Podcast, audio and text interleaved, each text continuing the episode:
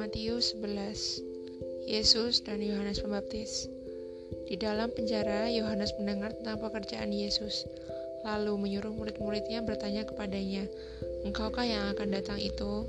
Atau haruskah kami menantikan orang lain? Yesus menjawab mereka, Pergilah dan katakanlah kepada Yohanes apa yang kamu dengar dan kamu lihat. Orang buta melihat, orang lumpuh berjalan, orang kusta menjadi tahir, orang tuli mendengar, orang mati dibangkitkan, dan kepada orang miskin diberitakan kabar baik. Dan berbahagialah orang yang tidak menjadi kecewa dan menolak aku.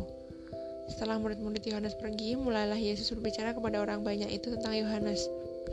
Untuk apakah kamu pergi kepada gurun, melihat buluh yang digoyangkan angin kian kemari, atau untuk apakah kamu pergi melihat orang yang berpakaian halus, orang yang berpakaian halus itu tempatnya di istana raja. Jadi untuk apakah kamu pergi melihat nabi? Benar. Dan aku berkata kepadamu, bahkan lebih daripada nabi. Karena tentang dia ada tertulis, Lihatlah, aku menyuruh utusanku mendahului engkau. Ia akan mempersiapkan jalanmu di hadapanmu.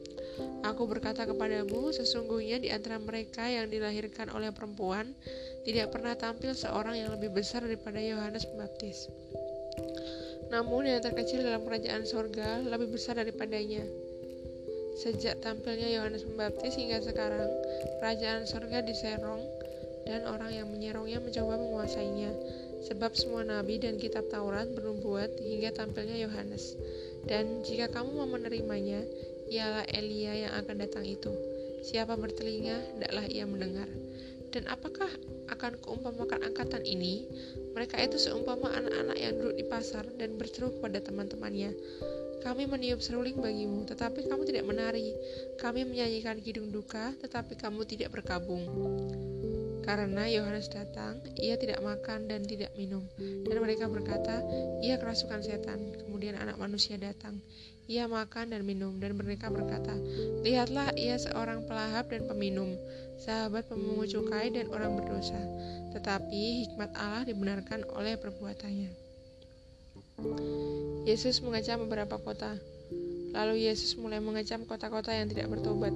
Sekalipun di situ ia paling banyak melakukan mujizat-mujizatnya, celakalah engkau Korazim, celakalah engkau Betsaida, karena jika di Tirus dan di Sidon terjadi mujizat-mujizat yang telah terjadi di tengah-tengah kamu, sudah lama mereka bertobat dan berkabung. Tetapi aku berkata kepadamu, pada hari penghakiman, tanggungan Tirus dan Sidon akan lebih ringan daripada tanggunganmu. Dan engkau, Kapernaum, apakah engkau akan dinaikkan sampai ke langit? Tidak. Engkau akan diturunkan sampai ke dunia orang mati. Karena jika Sodom terjadi mujizat-mujizat yang telah terjadi di tengah-tengah kamu, kota itu tentu masih berdiri sampai hari ini. Tetapi aku berkata kepadamu, pada hari penghakiman, tanggungan negeri Sodom akan lebih ringan daripada tanggunganmu.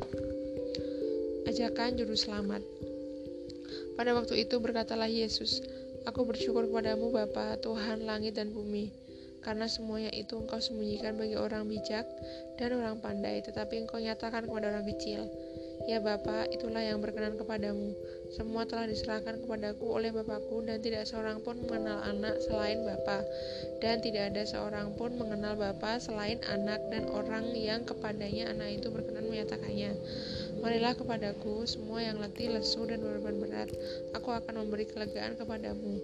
Pikulah kuk yang kupasang, dan belajarlah padaku. Karena aku lemah lembut dan rendah hati, dan jiwamu akan mendapat ketenangan.